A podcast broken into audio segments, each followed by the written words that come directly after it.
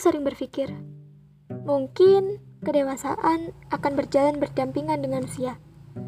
Tapi ternyata aku salah. Kedewasaan akan berjalan berdampingan dengan masalah hidup. Ya, ketika masalah datang, di situlah proses pendewasaan dimulai.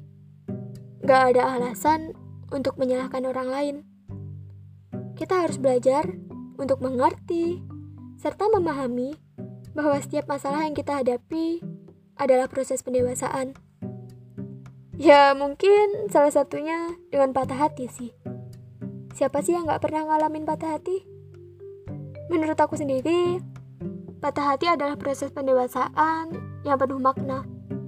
Yang di mana kita bisa belajar untuk tetap tegar dan bangkit kembali.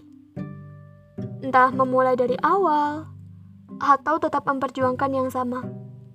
Ya mungkin kalau dipikir-pikir sih, itu sebuah keniscayaan ya. Tapi aku juga sering berdiam diri di depan cermin dan bertanya dalam hati. Apa yang kurang?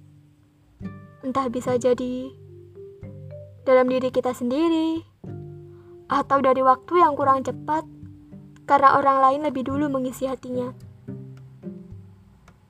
Tapi ketika semua masalah datang, ada saatnya aku ingin sendiri, bersama angin, menceritakan seluruh rahasia, lalu meneteskan air mata.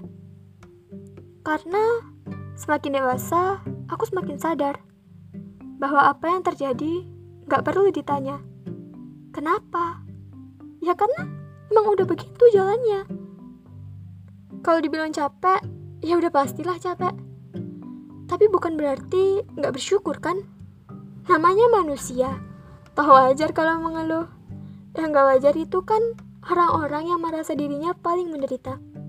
Ya mungkin setiap hati udah pasti mempunyai cerita yang berbeda-beda. Dan di dunia ini tuh gak ada yang sempurna. Bahkan gak ada yang instan. Ketika kamu menginginkan pelangi, Tuhan akan datangkan terlebih dahulu mendungnya, lalu hujannya, bahkan badai. Baru kita dapat menikmati pelangi. Mungkin kamu gak usah tergesa-gesa terlebih dahulu ya. Kamu mungkin itu lagi capek, butuh istirahat. Gak usah ke mana-mana mikirnya.